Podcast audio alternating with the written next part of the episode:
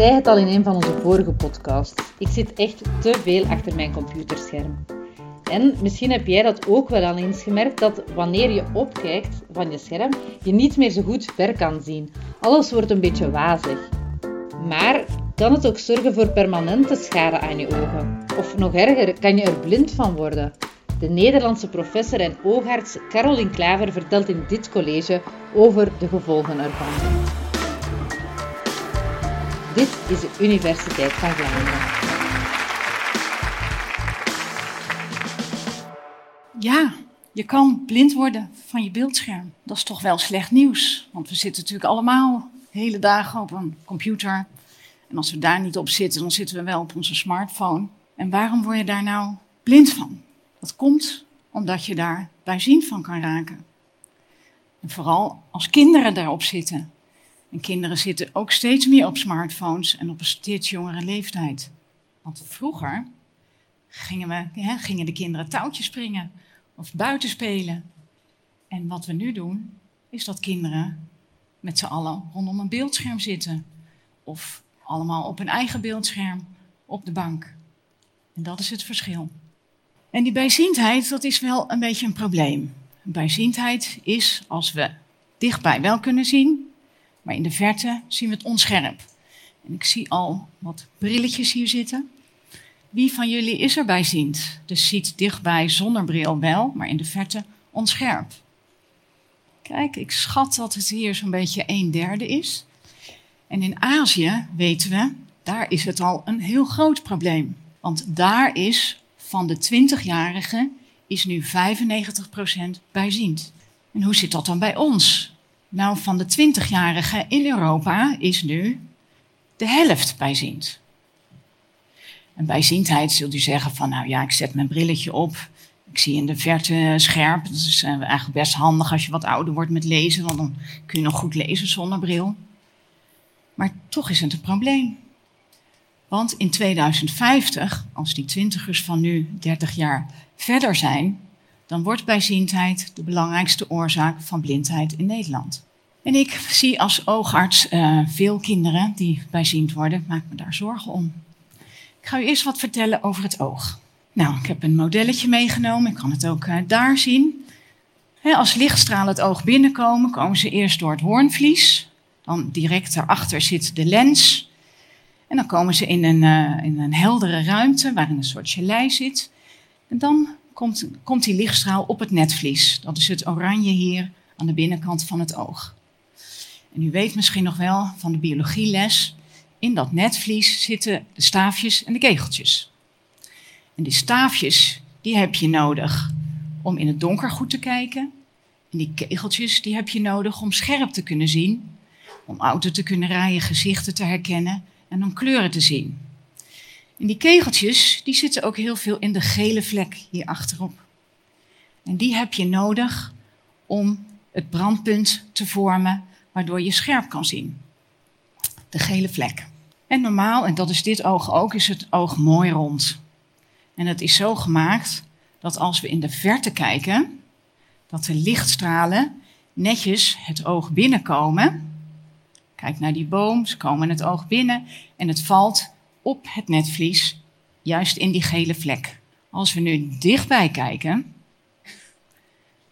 dan is het zo, zo, als ik helemaal niks doe, dan valt het brandpunt achterop het oog.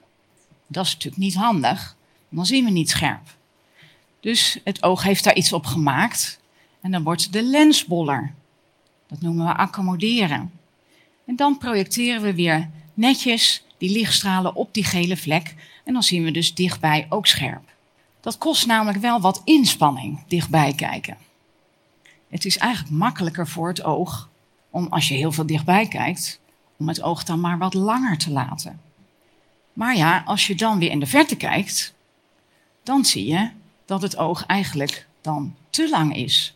Want dan vallen de lichtstralen weer voor het brandpunt. En dan heb je dat minbrilletje nodig om weer scherp te zien. Nou, dat hele proces van uh, die brilsterkte, dat is iets wat gebeurt bij, als het, de rest van het lichaam ook groeit. Dat is wanneer het oog groeit. Dat is dus op de kinderleeftijd en in de uh, jongvolwassen leeftijd. Een oog zonder brilsterkte, hè, dus een mooi rond oog, dat groeit tot ongeveer de leeftijd van 15 jaar. Een klein oog, dat zijn mensen die verziend zijn, die zien juist in de verte, die zijn al klaar met groeien, meestal rond een jaar of 13. Maar die bijzienden, die kunnen wel groeien tot ze een jaar of 20 zijn. En wat u ook ziet aan deze curve, is dat het oog eigenlijk het hardste groeit op de lagere schoolleeftijd. Dat is dus een hele belangrijke periode, want die bepaalt daarna eigenlijk hoe het een beetje afloopt. Dat oog past zich een beetje aan aan de leefstijl die die aangeboden wordt. Als dat oog of dat kind in een hele lichte eh, ruimte is, of juist buiten is, waar het heel licht is, dan ontstaat er veel minder bijziendheid. En kinderen die twee uur per dag buiten zijn, daar zijn heel weinig kinderen van bijziend. En kinderen die maar een half uurtje per dag buiten zijn, en dat gebeurt echt, bijvoorbeeld in Singapore, die kinderen worden juist heel erg bijziend. Hoe zit dat dan met de Nederlandse kinderen? Hoe vaak zijn die buiten? Nou, wij hebben onderzoek gedaan onder negenjarigen in, in Rotterdam. En daar moesten we echt moeite doen om kinderen te vinden die een uur of langer buiten waren. En in de winter was het al helemaal erg. Waarom werkt dat buiten? Dat is natuurlijk ook omdat je dan het blik op oneindig hebt. Maar dat komt ook omdat het buiten heel licht is. En zoals we hier zitten met elkaar, hebben we hier misschien 300 lux, misschien 400. En buiten op een mooie dag is het wel 15.000 lux. En al die lux, als dat in het oog valt, maakt een stofje vrij en dat stofje heet dopamine. En dopamine zorgt ervoor dat je oog niet meer verder gaat groeien. Hoe zit het nou met dat dichtbijwerk? Hoe zit dat nou precies? Als je heel veel dichtbijwerk doet, dan is er juist veel meer kans op bijziendheid. En hoe zit het dan als je veel dichtbijwerk doet en je bent veel buiten? Dan kun je het wel een klein beetje eraf snoepen. Maar toch niet helemaal. Kinderen die heel weinig dichtbijwerk doen, die worden veel minder vaak bijziend. Nou, de bijziendheid heb ik de, de urgentie denk ik wel een beetje uitgelegd, maar dan wil je ook nog wel weten, wat doet dat dan met het netvlies? Als een oog heel lang is, kun je je voorstellen, zeker als dat oog in de groei is, dat die gelei die in de binnenkant van het oog zit, dat die minder, uh, of juist trekt aan die achterkant. En dat komt vooral bij de hoogbijziende voor. Hoogbijziend is min 6 of meer. En als die, uh, die binnentent zo aan die buitentent trekt, dan kan het zijn dat er wat vocht onder dat netvlies komt. En dan krijg je een netvliesloslating. En bij een netvliesloslating liggen dus de staafjes en de kegeltjes eigenlijk op de bodem van het oog.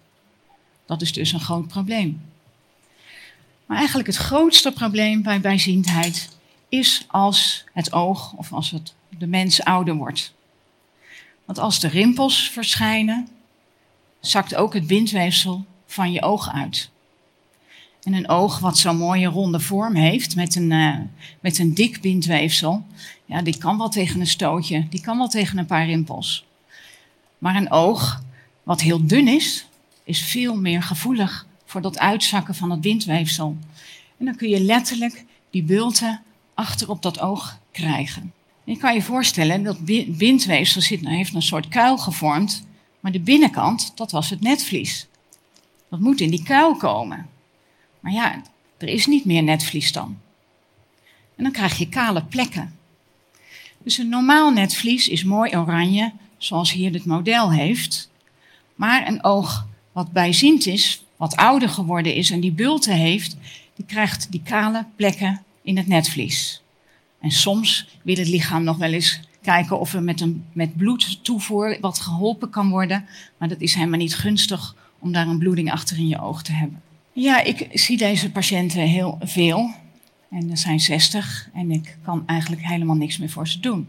En nou zou je zeggen, hoe groot is dat probleem dan?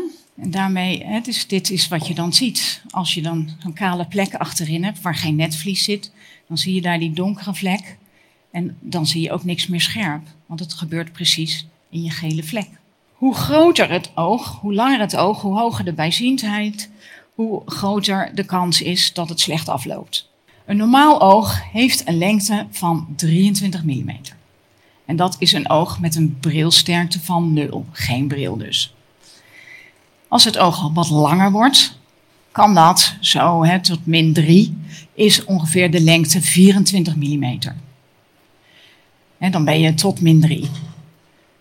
Uh, heb je dan een uh, lengte tot 26, dan kan je tussen de min 3 en de min 6 zijn. En bij min 6 of meer heb je een lengte van 26 mm. Kan dat oog nou allemaal eindeloos doorgaan? Ik heb zelfs een patiënt die heeft een oog van 40 mm. Een oog van 4 centimeter. En van de mensen die uh, een oog hebben van 30 mm of meer, 3 centimeter, nou daarvan heeft eigenlijk 95% ontwikkeld slechtziendheid of blindheid. Dus ik hoop u hiermee uh, het wel overtuigd te hebben dat bijziendheid is, is niet leuk. Het goede nieuws is ook dat er natuurlijk in de jeugd wel wat aan te doen is. Dus die leefstijl van de kinderen, dat, daar is wel iets waarop geacteerd moet worden. Nou, ik krijg als oogarts van ouders heel vaak de vraag van, nou, hoe, lang mag ik er dan op? Uh, hoe, hoe, lang mag het kind er dan op, uh, dokter? Dat is best een moeilijke vraag, want helemaal precies weten we dat nog niet. Want daar doen we op dit moment onderzoek naar. Maar we houden de richtlijn van de kinderartsen aan. Dus onder de twee jaar geen beeldscherm wat je in je hand houdt. Tussen de twee en de vijf jaar een uurtje per dag. Tussen de vijf en de twaalf jaar maximaal twee uur per dag. En daarna moet je ook nog rustig aan doen.